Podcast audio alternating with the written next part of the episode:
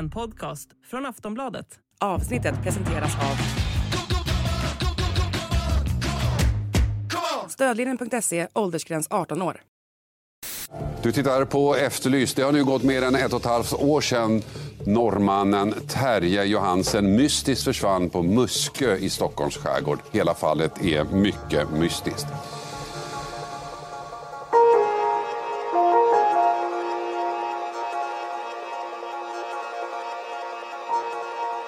Terje Johansen säger att han ska till Nordnorge. Men i hemlighet åker han åt ett helt annat håll. Han kör tvärs igenom Sverige och sen kör han rakt in i skogen, kliver ur sin bil och försvinner. Nu har det gått två år och fortfarande finns inga spår efter Terje Johansen. Det sista samtalet från Terjes mobil gör allt ännu mera konstigt. Vad hände egentligen på Muskö? Det här är Mysteriet på Muskö. Ett avsnitt av podden Aftonbladet Krim. Jag heter Katarina Norrgran.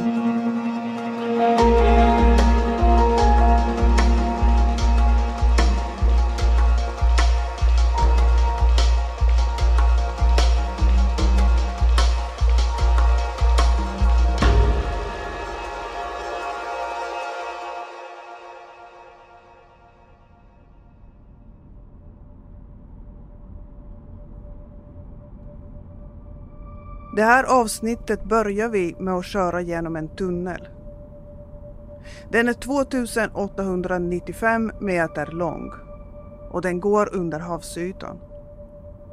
I början av tunneln går det brant neråt. Så brant att tryckförändringen känns i öronen. Och havsvattnet sipprar ner längs de råa bergväggarna som omger oss.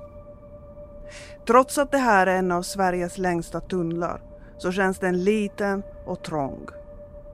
Väggarna ligger tätt på vid sidan av vägbanan. Vi är på väg till Muskö i Stockholms södra skärgård. När vi kommer ut ur tunneln så kör vi nästan en mil på små slingrande vägar. Vi kör förbi Sjökrogen som är stängd för säsongen och förbi den för dagen stängda lanthandeln. Vi kommer fram till vägbommen där den här berättelsen börjar. Vi ringer till en av de boende i området. Eh, Katarina här från Aftonbladet, hej. Hej. Jag står vid bommen nu. Det gör du. Ja. Eh, bara. Trots att vi är så nära stan känns det som att vi är mitt ute i naturen. Vinden sliter i trädkronorna och det luktar friskt av skog och hav. Efter några minuter kommer en man i en liten vit bil och hämtar upp oss.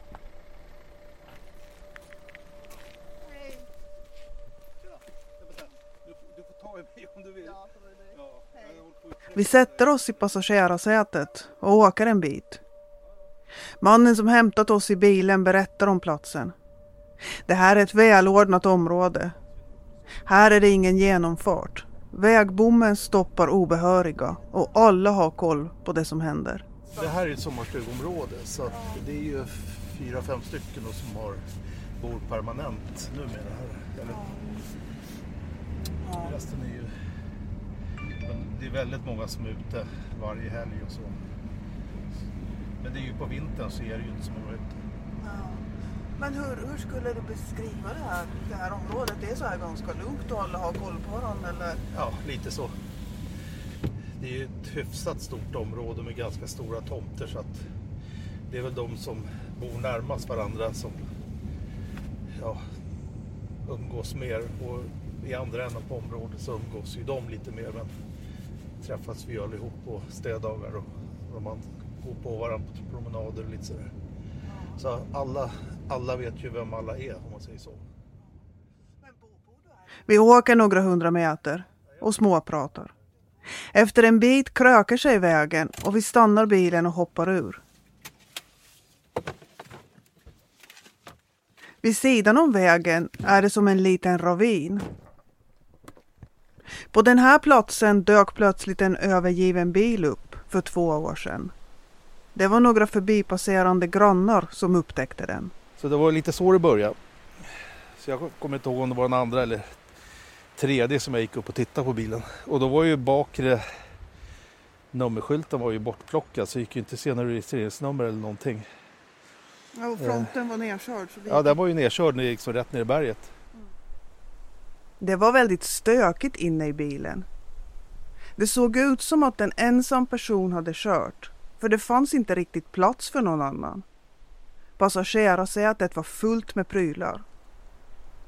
Det såg ut som om bilen tillhörde någon som skulle ut och jobba i skogen. Väldigt stökigt. Det låg läskbackar, det låg en motorsåg, en dunk.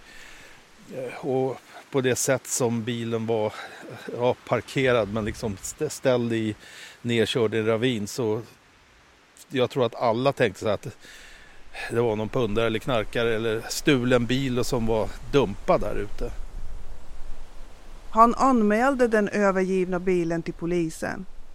Men veckorna gick utan att någonting hände. Alltså bilen måste ju bort och någon måste stå för den kostnaden för det är inte så billigt att ta hit en bärgare och sen ta bort den. Det hände ju ingenting så var det ju folk som frågade hur länge ska den här bilen stå här? Så jag började kolla igen och såg, såg att det kanske går att få fram nummerskylten. såg jag att det var norskregistrerad så då tog jag bilder på bilen och skickade in det till ja, norska vägverket. Då. Då gjorde han en anmälan till norska vägverket. Men ingenting hände där heller. Det gick ju nästan en månad. Så skickade jag samma bilder eh, direkt till polisen i Oslo. Och då gick det bara, ja, det gick inte en dag än så ringde de ju direkt och berättade att han var anmäld som försvunnen 5 januari, eller december. Eh, och några timmar senare så ringde de från polisen i, i, eh, i Huddinge då. Så kom de ut med hundar och, och allting.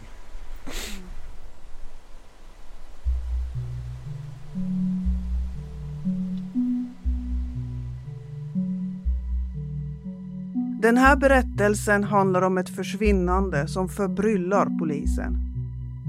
Om en man som åkte iväg på en hemlig resa och aldrig kom hem igen.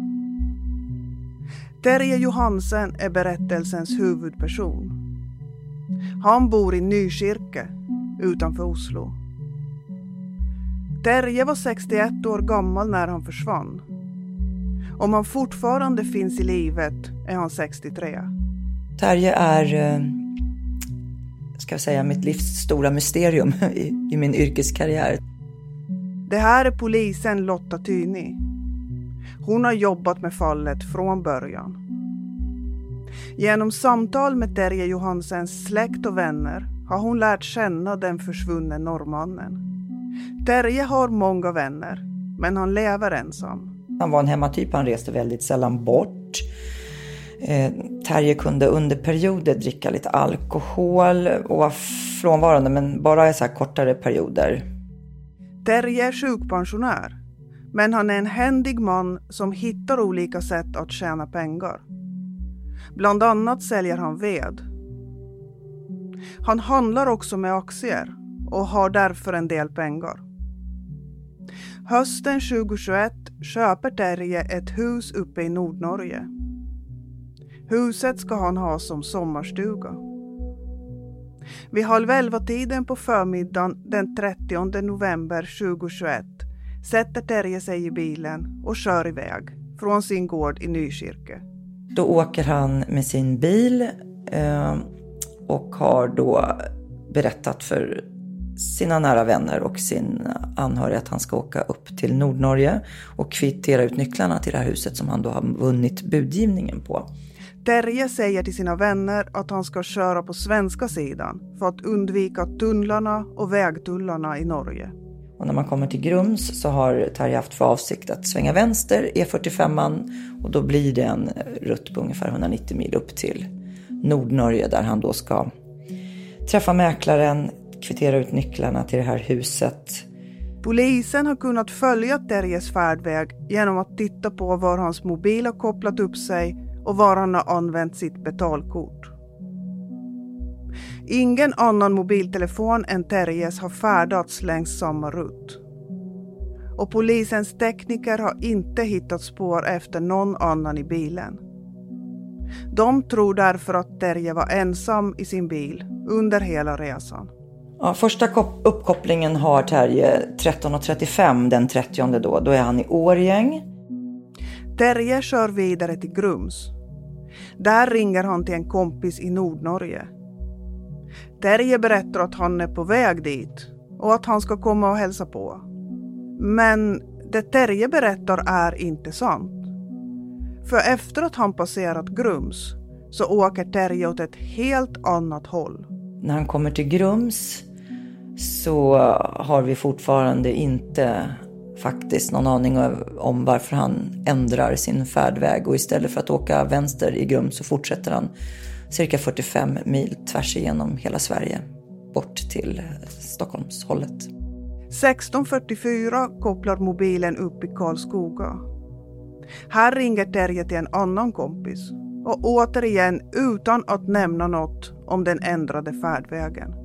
För vi vet att han äter på McDonalds i Karlstad och där använder han sitt betalkort. Vi hade ju ett Facetime-förhör med, med personalen på McDonalds som jobbade aktuell tidpunkt och utifrån den summan som Terje har eh, betalat med så vet vi vad han har köpt. Eh, man har dock inte kunnat peka ut honom. Förmodligen så har han åkt på drive-through. Terjes resa fortsätter österut. Vid 19-tiden kopplar hans telefon upp i Västerås. Har han också ett längre samtal med en av sina systerdöttrar. Och inte i någon av de här samtalen med varken systerdöttrarna eller vännerna så berättar han någonting om att han har förändrat liksom sin färdväg. Så det, det vet vi liksom inte varför han gör. Klockan 23.26 på kvällen är Terje i Vallentuna utanför Stockholm. Nu har han ett över 10 minuter långt samtal med en kompis. Eh, ingenting heller om sin färdväg. Sen övernattar han, troligen någonstans på Lidingö. Enligt familj och vänner så sov Terje ofta i bilen när han körde längre sträckor. Polisen tror därför att han sover i sin bil under natten. Första gången telefonen kopplar upp på morgonen den första december då, då är klockan tio minuter över nio. På morgonen pratar han i telefon med en kompis. Och sen börjar Terje köra runt i Stockholmsområdet. Det är en märklig, irrande färd. Först kör han norrut och sen söderut. Nej, men han åker lite norr om Norrtälje, Älmsta, norra Rudan, Råda heter det, norra Råda. Under dagen stannar Terje till vid Sibylla Roslagsstoppet i Vallentuna. Här köper han fika. Klockan 15.48 är Terje i Tumba söder om Stockholm. Sen åker han till Nynäshamn och sen till Muskö. 17.28, första gången han kopplar upp på Muskö, så är det med en av systerdöttrarna han pratar i ett par minuter. Enligt systerdottern är Terje som vanligt när de pratar. Han säger ingenting om att han är i Stockholms skärgård. I det här samtalet, som i alla samtal hem till Norge, säger han att han är på väg till huset i Nordnorge. Efter att ha pratat några minuter lägger de på. Och sen hörs de inte mer.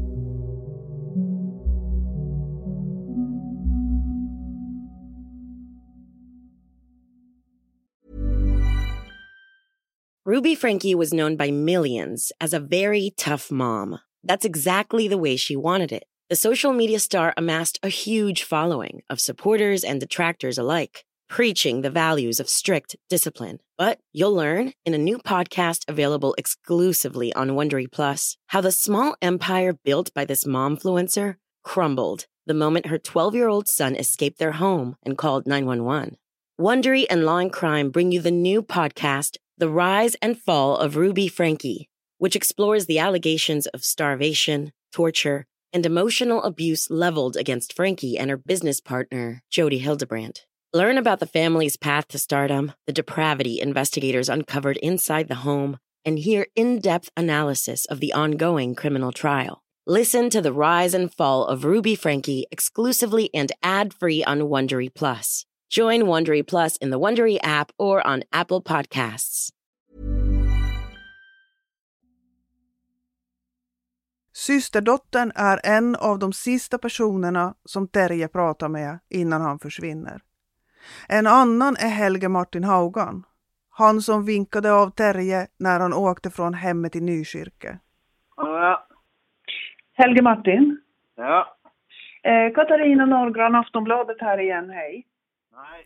Vi ringer upp Helge Martin för att höra vad han minns av det sista mötet med Terje. Terje sa att han skulle ta det lugnt och se resan som en semester. Han räknade med att vara borta i tolv dagar.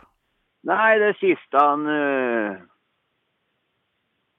sa det var att eh, han skulle ta det som en... Uh, han skulle inte stressa, han skulle ta det med ro, för han skulle ta det som ferie. Han har inte haft ferie på många år. Som en sån ferietur, alltså han skulle vara borta i max 12 dagar, snackade han om. Helge Martin och Terje är vänner sedan ungdomen. De senaste åren har Helge Martin bott i ett hus på Terjes gård. Han berättar att saknaden är stor. Terje var hans närmaste vän och den enda i världen som han litade på till hundra procent. Ja, det är väl kan du säga eneste gode kameraten jag har en omtrent sånn i världen. Som jag stoler 100 procent på. sån. Det finns ju några andra, men inte samma... Så det blir ett stort savn, för att säga det sånn. Jag hade inte trott jag skulle savna någon sån, men det blir det. De båda vännerna brukade inte ha några hemligheter för varann. Helge Martin är säker på att Terje skulle ha berättat för honom om han hade planerat att åka till Stockholm och Muskö för att träffa någon. Men jag har aldrig hört om något avtal och vi pratade om nästan allt. Det, han ville sagt det till mig om han hade haft en avtal ute på en plats eller samma vad det var. Men när de pratade i telefon under Terjes resa sa han att han var på väg till Nordnorge. Fast han då redan var i Stockholmstrakten. Helge Martin bor kvar på gården. Han tänker på sin vän varje dag och funderar på vad som kan ha hänt. Jag lurar ju hela tiden på var han är. Jag har hopp att han ska dyka upp.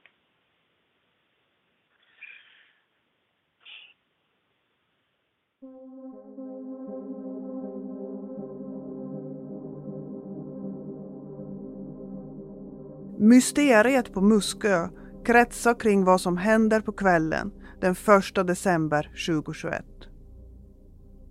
När Terje kör ut ur Muskötunneln då verkar det som att han svänger åt fel håll. Han hamnar vid Musköbasen, militärbasen på ön. Här pratar han med en vakt.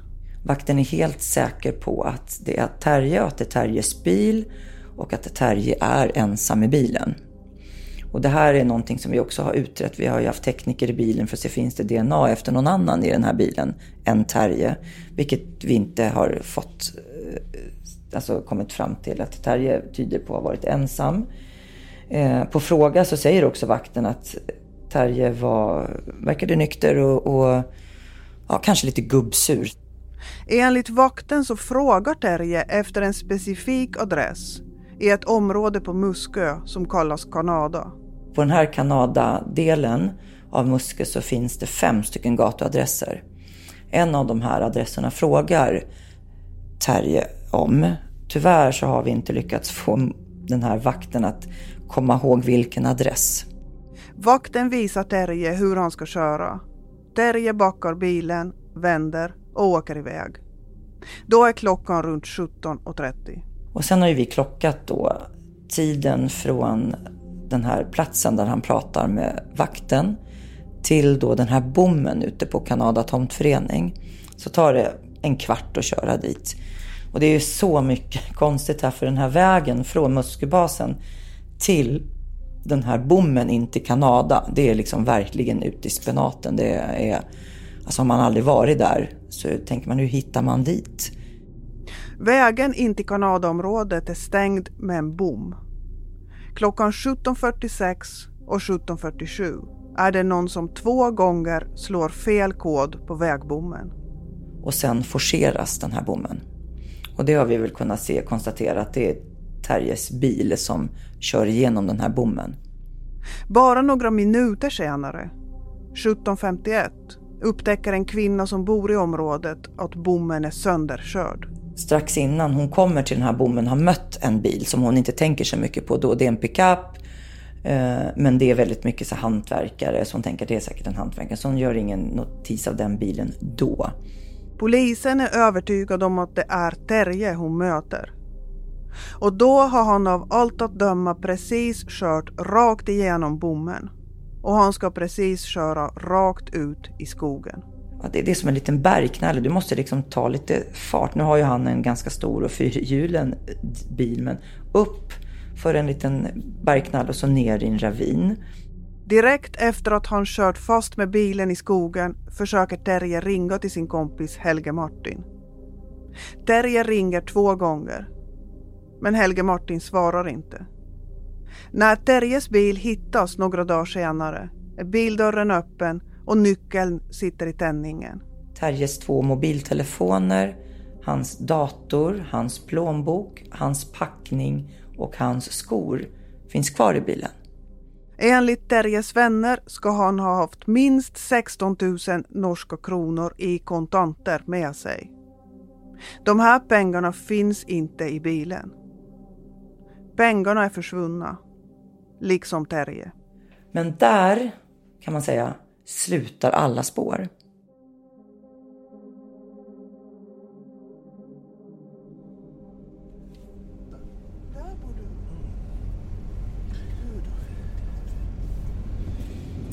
Så här kommer han körande. Och då var det Och på natten då var det kolsvart. Här är ju vändplan. Här åker han ju rakt över vändplanen. Så vi kan gå ut här.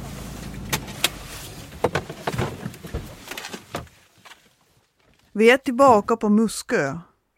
Vi följer en grusväg som flankeras av barrträd och välskötta sommarstugor. Det var här som Terje körde över bergknallen och fastnade med fronten på bilen nere i en liten ravin. Här svänger han ju rakt ner och så står ju fronten ner i den här skrevan rakt ner i, i ravinen här. Fronten mot det där, mot det där berget. Ja, det är ju en rejäl... Ja det är det. Så han kommer ju inte härifrån. Nej. Den tallen. Det här är mitt i ett sommarstugeområde. De närmaste husen är bara något tiotal meter bort. Men de här kåkarna här, de var inte hemma Nej nej nej, ja, men det är ju så på, på det är ju som nu. Det är ju ingen ute nu mitt i veckan. Alltså de flesta har ju kanske inte stängt för vintern men de, de är ju inte här på vardagarna då. Efter att han kvaddat bilen i skogen så verkar Terje göra ännu en märklig sak. Han sågar ner en tall. Den tallen, det fanns ju en motorsåg i bilen och den sågade han ner. Nu finns bara stubben kvar. Men när Terjes bil hittades, då låg den fällda tallen bakom den. Terje, som var van att hantera ved och hade en motorsåg med sig i bilen, han skulle enkelt ha kunnat stycka upp trädet och rullat undan bitarna. Men det gjorde han inte.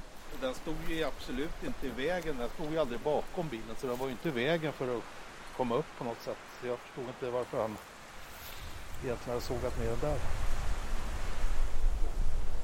Varför sågade Terje ner en tall som inte ens var i vägen för honom? Varför lät han den sen ligga bakom bilen? Och varför åkte han överhuvudtaget till Muskö? Polisen är övertygad om att Terje Johansen inte hamnade på Muskö av en slump. Han hade ett bestämt mål. Någon som han skulle träffa. Men det finns ingen i Kanadaområdet som säger sig ha haft någon kontakt med honom. Det har varit väldigt mycket spekulationer på både kors och tvärs om att han skulle hit ut för att fiska. Sist jag hörde var att han skulle ut för att köpa en hund. Eh, så men det är bara, ja.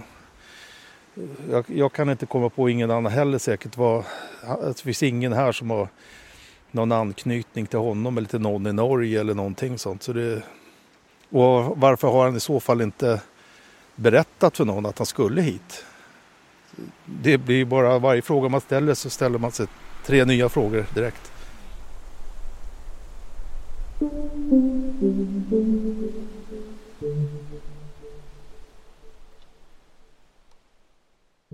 Det tog som sagt tid innan polisen insåg att den övergivna bilen hade med ett försvinnande att göra.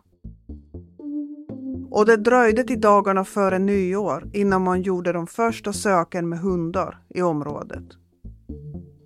I början på januari får polisen Lotta Tyni och hennes kollega Karina Lindström hand om ärendet. Då har det gått en månad sedan Terje försvann. Spår är färskvara och mycket var redan borta. Kameror som, alltså på bussar, på tåg eller kamerorna i den här nu Muskötunneln till exempel, de finns ju inte kvar. Bilderna från trängselavgiftskamerorna i Stockholmsområdet, de fanns kvar. De bekräftar Terjes rutt, men han syns inte på bilderna. Kamerorna tar bara foton på registreringsskylten. Polisen har också gått igenom bilder från de allmänna trafikövervakningskamerorna.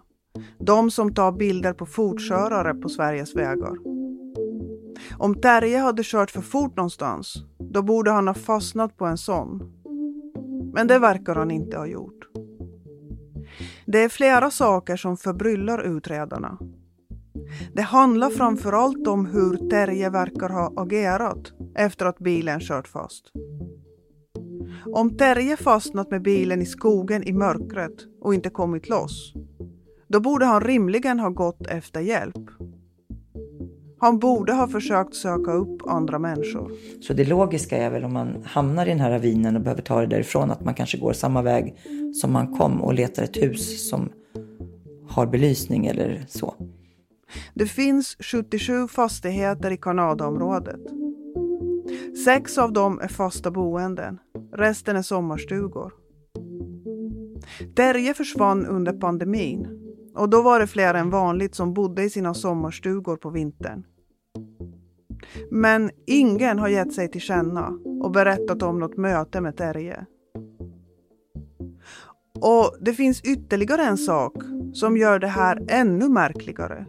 Det sista samtalet från Terjes mobil.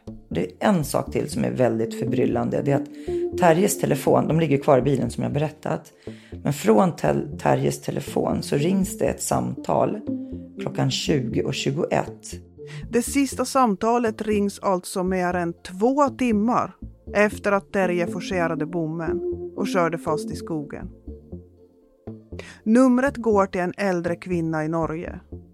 Den här kvinnan säger att hon inte har någon aning om vem Terje Johansen är. Den här kvinnan svarar aldrig på okända nummer, så hon har inte svarat.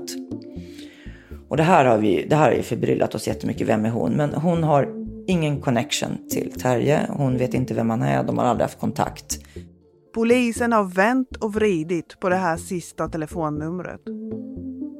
Kan Terje ha slagit en siffra fel? Eller kan han ha glömt att byta landsnummer från Norge till Sverige? Det finns inget nummer som överensstämmer med det. Så allt det här har vi liksom med våra analytiker hjälpt att titta. Eh, så det, det, det, det är jättekonstigt. Är det Terje som slår numret eller inte? Om det var Terje som ringde det här samtalet, var han då kvar vid bilen i skogen i två timmar innan han försvann? I kolmörker och runt fem minusgrader. Eller var det någon annan som ringde? Vem var det i så fall? Polisen har letat med hundar på marken, med drönare i luften och med sonarutrustning i vattnet. Polisen har också bett fastighetsägarna i området att gå igenom sina byggnader. Vi sitter ju med en karta på alla fastigheter och när man då, alltså vi ber, har ni, har ni spår av inbrott eller någonting som sticker ut på era fastigheter och tomter? Så att vi liksom checkar av att alla hör av sig. Check på den här adressen, check på den här adressen, check på den här adressen. Och vi får ingenting som sticker ut i det. När tiden går utan några framsteg, då vänder polisen sig till polisprofessorn Leif GW Persson. Vi har, vi har haft två dagar med GV. Dels har vi föredragit allt. Vi har fått fram i ärendet. Och sen har vi också varit ute på plats med honom. Leif GW Persson säger att den här typen av försvinnanden oftast har tre orsaker. Sjukdomsfall, olycka eller självmord. Och de här två första, de, de kan vi ju checka av för att då, de brukar hittas och anträffas på en radie av 100 meter och med de gigantiska söken vi har gjort så har vi inte anträffat Terje någonstans. Och självmord, det, det, det har vi inte heller liksom kunnat komma fram till att han hade för avsikt att göra. Vi har ju liksom för, förhört eh, både läkare och inhämtat journaler och alla anhöriga. Det finns liksom ingenting som säger att han skulle ta livet av sig. Alltså det går inte att utesluta det onda alternativet. Det onda alternativet, säger Lotta Tyni. Ja, att, att han skulle kunna ha varit utsatt för ett brott. Alltså att någon eh, tagit livet av honom.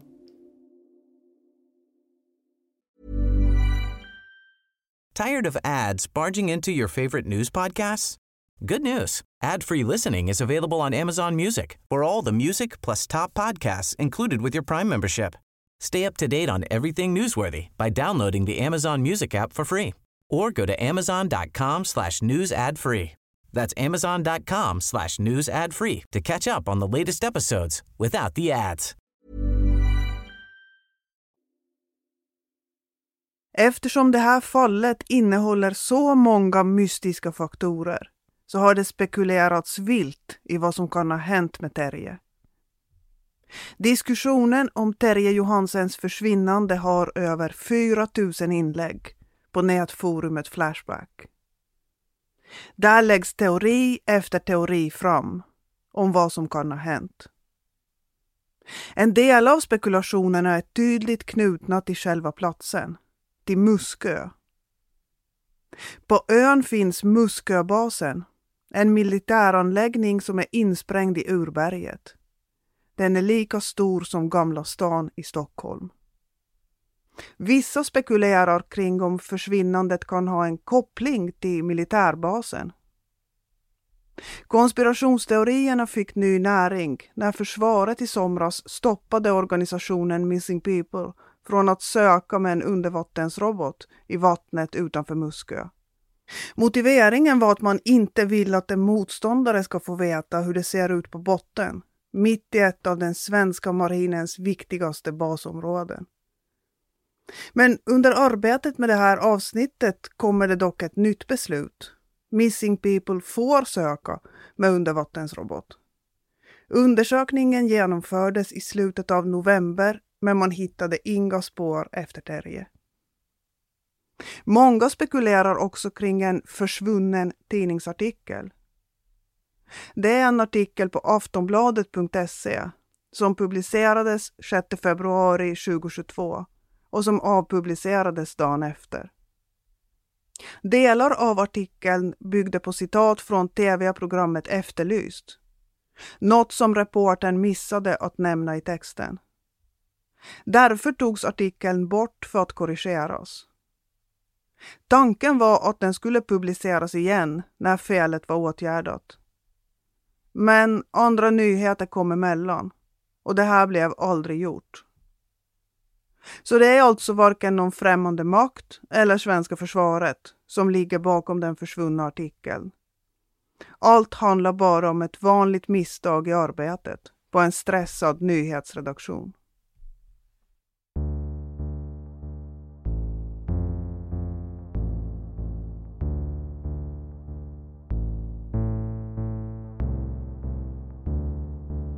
Terje Johansen hade ingen känd koppling till Sverige.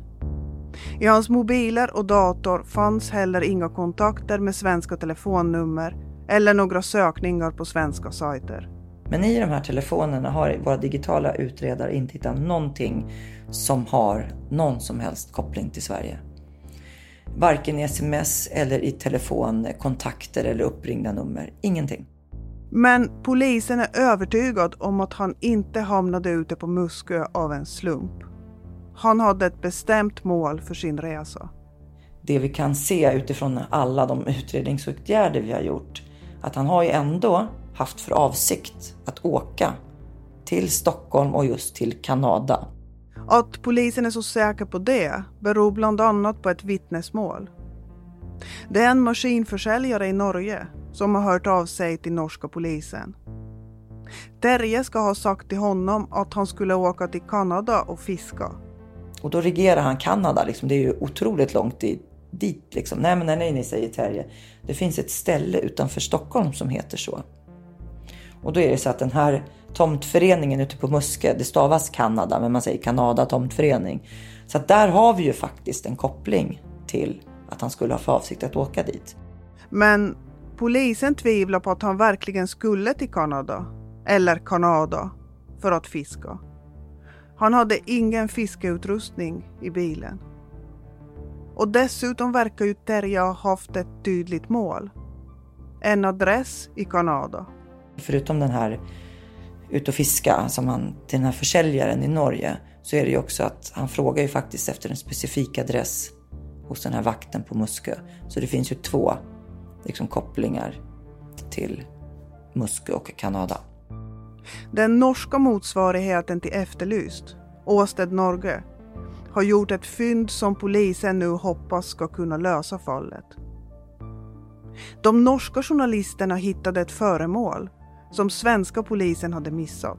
När, när, våra tekniker var i bilen så var det egentligen bara för att undersöka om, om någon annan än Terje befunnit sig i bilen. Så det, när, när, den här bilen hamnar på skroten i Norge så, så sitter det en integrerad eh, eh, GPS.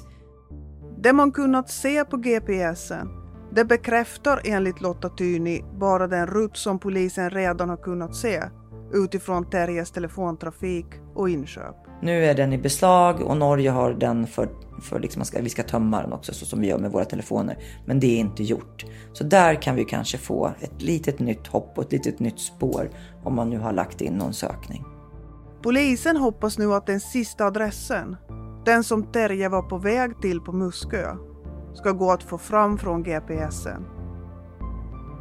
Annars står polisens hopp till att någon som vet vad som hänt ska höra av sig. Och det här har vi ju sagt så fort vi har, har pratat med, med media och andra att vi är ju intresserade av allt som man har haft kontakt med Terje. Om det är verkliga livet, sociala medier, telefon. Allt som kan leda oss liksom närmre till att finna mysteriet Terje. Alltså vi skulle så, och vi skulle så gärna vilja lösa det för att ge de här anhöriga också ett, ett svar. Idag jobbar polisen inte aktivt med Terjes försvinnande. Men om det kommer in ny information, då kommer de att ta upp arbetet igen. Karina eh, och jag har ju, vi, vi fick ju liksom inledningsvis jobba med ärendet i tre veckor, vilket vi, då vi gjorde de största, stora inhämtningarna. Eh, sen, det här är ju under en period där vi har ett enormt tryck på skjutvapenvåldet så vi hamnade ju både hon och jag i andra mordutredningar. Men vi har hela tiden haft Terje vid sidan om och tagit oss tid, till och med på vår fritid, för att liksom försöka hitta en, en förklaring till vad som har hänt Terje.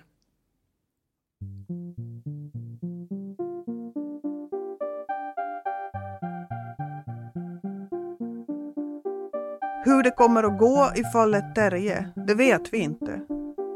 När vi spelar in det här finns det ingen förklaring till vad som har hänt med den försvunne norrmannen. Fallet innehåller många ovanliga detaljer.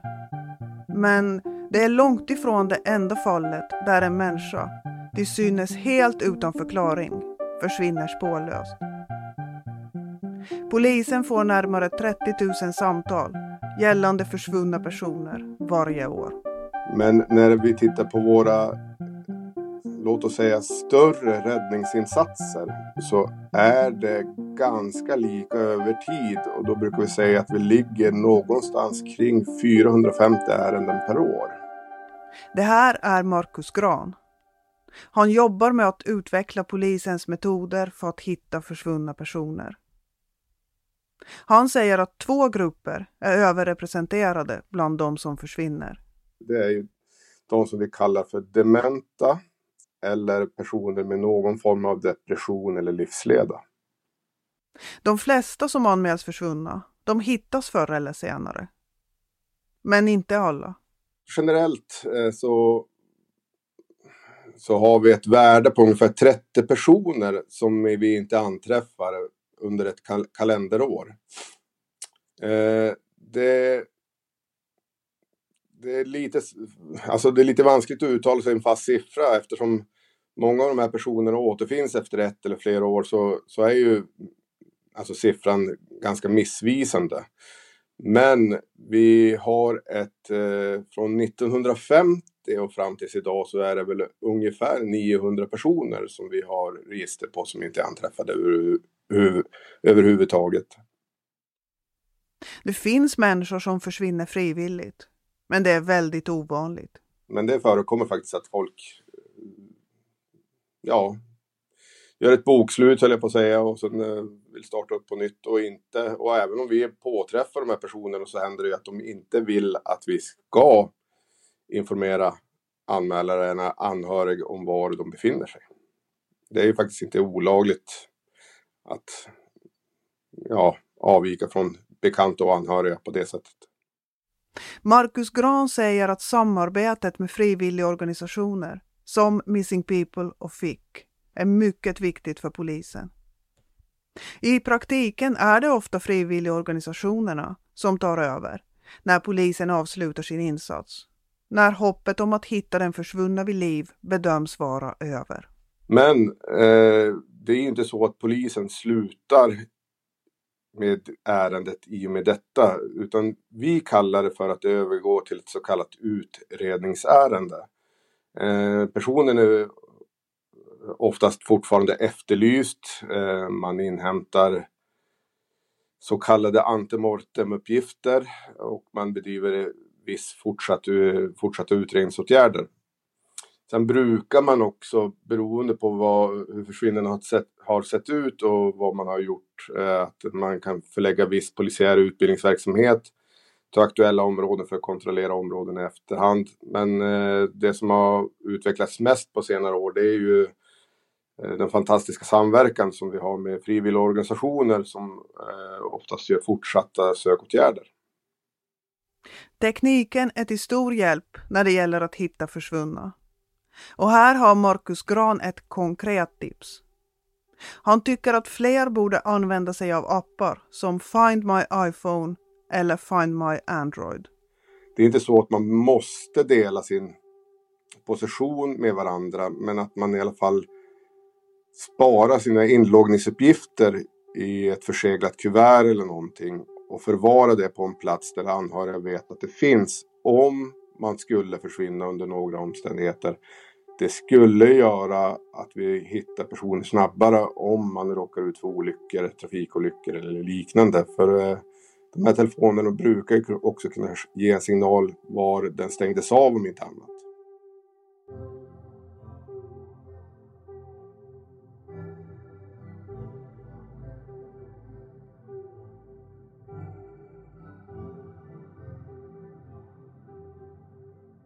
Nu har det gått två år sedan Terje Johansen gjorde sin märkliga resa. Hans vänner trodde att han skulle till Nordnorge men istället åkte han i hemlighet tvärs genom Sverige.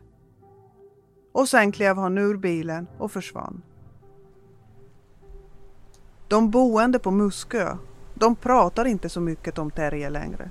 Nej, tiden det har gått så lång tid så att det, det, är väl inte så mycket prat om det här längre. Det var väl det i början men det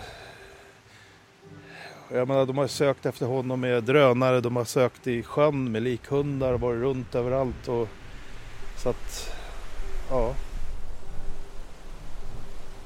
Men fortfarande finns inget svar på frågan. Var finns Terje? Finns han någonstans här på Muskö? I skogen eller i vattnet? Trots alla sökinsatser och trots att så mycket människor rör sig här Speciellt på somrarna. Han kan ha gått ur området. Men han borde ha hittats då. Han borde ju ha någon busschaufför om han blivit upplockad, en taxi. Borde ju, och det säger att polisen har kollat allt sånt där. Men ingen vet ju någonting. Det finns ingen som har sett honom. Det finns ingen, det är mysterium allting. Terjes kompis Helge Martin. Han tror inte att det var Terje själv som körde bilen. I alla fall inte på slutet, på Muskö. Terje hade precis köpt en ny fin bil som han var stolt över och han skulle aldrig ha förstört den genom att ramma en vägbom. Ja, alltså, det är helt ut, utenkelig den bilen han akkurat köpt. Han uh, eh, var så stolt av den bilen. Det var första ordentligt dyra bilen han har köpt i sitt liv. Då. Så det är helt utenkelig att han ska ha gjort det där i, i normal tillstånd. Helge Martin tror att en del av förklaringen till det som hände är pengar. Terje hade minst 16 000 norska kronor i plånboken. Det är han säker på. Plånboken och kreditkorten låg kvar i bilen. Men pengarna är borta. Som jag efterlyser, det som jag inte får något svar på, var är pengarna? Det är någon som har tagit de. Helge Martin Haugan hoppas att någon dag få ett avslut. Att få svar på frågan vad som hände med hans gamle vän. Men han tror inte att Terje finns i livet. Han tror att någon har mördat honom. Jag tror han har tagit av dagen. Jag tror det är någon som har tagit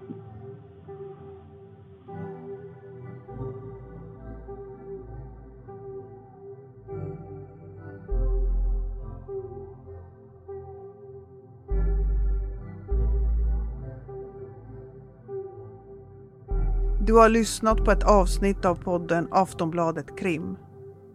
Klippet i början av programmet kommer från Efterlyst. Producent för podden är Marcus Ulfsand. Jag heter Katarina Norgran.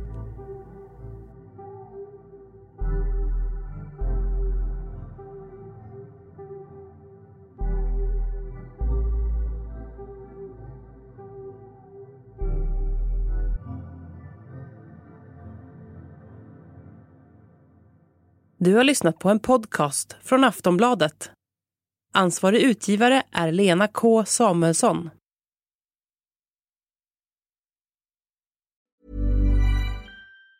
Tired of ads barging into your favorite news podcasts?